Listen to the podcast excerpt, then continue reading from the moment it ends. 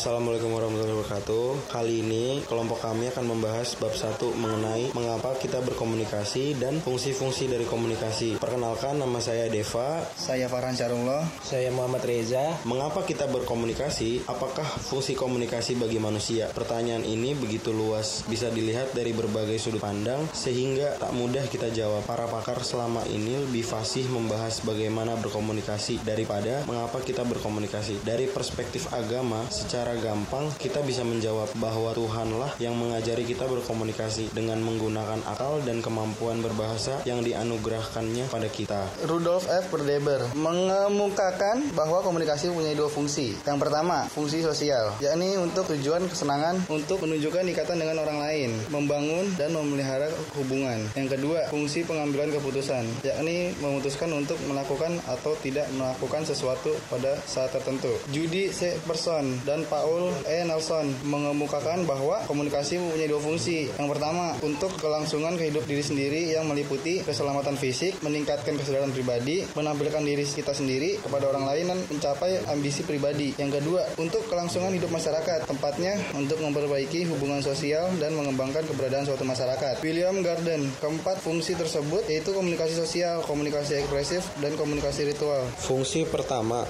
komunikasi sosial. Fungsi komunikasi sebagai komunikasi komunikasi sosial setidaknya mengisyaratkan bahwa komunikasi penting untuk membangun konsep diri kita, aktualisasi diri, untuk kelangsungan hidup, untuk memperoleh kebahagiaan, terhindar dari tekanan dan ketegangan, antara lain lewat komunikasi yang menghibur dan memupuk hubungan dengan orang lain. Melalui komunikasi kita bekerja sama dengan anggota masyarakat, keluarga, kelompok belajar, perguruan tinggi, RT RW, desa, kota, dan negara secara keseluruhan untuk mencapai tujuan bersama. Orang yang tidak pernah berkomunikasi dengan manusia bisa dipastikan akan tersesat karena ia tidak sempat menata dirinya dalam suatu lingkungan sosial. Implisit dalam fungsi komunikasi sosial ini adalah fungsi komunikasi kultural. Para ilmuwan sosial mengakui bahwa budaya dan komunikasi itu mempunyai hubungan timbal balik, seperti dua sisi dari satu mata uang. Budaya menjadi bagian dari perilaku komunikasi, dan pada gilirannya komunikasi pun turut menentukan, memelihara, mengembangkan, atau mewariskan budaya. Benar kata Edward bahwa budaya adalah komunikasi dan komunikasi adalah budaya. Alfred Koribski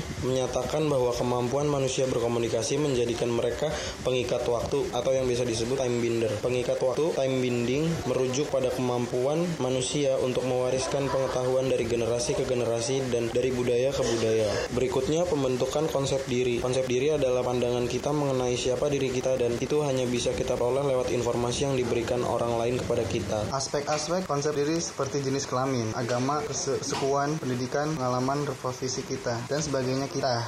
Internalisasikan lewat pernyataan atau umpan balik orang lain yang menegaskan aspek-aspek tersebut pada kita, yang pada gilirannya menuntut kita berperilaku sebagai orang lain memandang kita. Identitas etnik khususnya merupakan unsur penting konsep diri. George Herbert Mead mengatakan setiap manusia mengembangkan konsep dirinya melalui interaksi dengan orang lain dalam masyarakat dan itu dilakukan lewat komunikasi. Selanjutnya, pernyataan eksistensi diri. Orang berkomunikasi untuk menunjukkan dirinya eksis. Inilah yang disebut aktualisasi diri atau lebih tepat lagi pernyataan eksistensi diri. Kita dapat memodifikasi frase filosof Francis Rene Descartes yang terkenal itu, cogito ergo sum. Saya berpikir maka saya ada. Menjadi saya berbicara maka saya ada. Bila kita berdiam diri, orang lain akan memperlakukan kita seolah-olah kita tidak eksis. Namun ketika kita berbicara, kita benarnya menyatakan bahwa kita ada. Lalu untuk kelangsungan hidup memupuk hubungan hubungan dan memperoleh kebahagiaan. Sejak lahir, kita tidak dapat hidup sendiri untuk mempertahankan hidup. Kita perlu dan harus berkomunikasi dengan orang lain untuk memenuhi kebutuhan biologis kita seperti makan dan minum dan memenuhi kebutuhan psikologis kita seperti sukses dan kebahagiaan. Kebahagiaan. Fungsi kedua komunikasi ekspresif. Komunikasi ekspresif tidak otomatis bertujuan mempengaruhi orang lain, namun dapat dilakukan sejauh komunikasi tersebut menjadi instrumen untuk menyampaikan perasaan, perasaan atau emosi kita. Perasaan-perasaan tersebut tersebut dikomunikasikan terutama melalui pesan-pesan non-verbal. Perasaan sayang, peduli rindu, simpati, gembira, sedih, takut,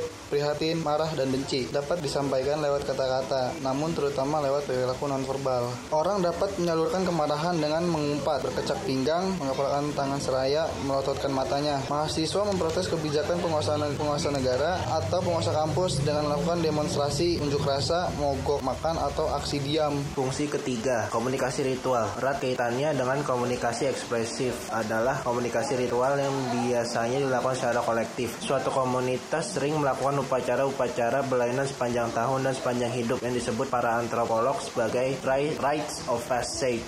Mulai dari upacara kelahiran, sunatan, ulang tahun, pertunangan, siraman, pernikahan, ulang tahun perkawinan, hingga upacara kematian. Komunikasi ritual tersebut menegaskan kembali komitmen mereka pada tradisi keluarga, komunitas, suku, bangsa, negara, ideologi, atau agama mereka. Fungsi ritual Fungsi ritual juga tampak dalam acara pelamaran yang dilakukan keluarga calon mempelai pria kepada pada keluarga calon mempelai wanita. Komunikasi ritual sering juga bersifat ekspresif, menyatakan perasaan dalam terdalam seseorang. Komunikasi ritual ini kadang-kadang bersifat mistik dan mungkin sulit dipahami orang-orang di luar komunitas tersebut. Fungsi keempat komunikasi instrumental. Fungsi keempat komunikasi instrumental. Komunikasi instrumental mempunyai beberapa tujuan umum menginformasikan, mengajar, mendorong, mengubah sikap dan keyakinan dan merubah perilaku atau menggerakkan tindakan dan juga menghibur. Bila diringkas, maka kesemua tujuan tersebut dapat membujuk atau bersifat persuasif. Komunikasi yang berfungsi memberitahukan atau menerangkan to inform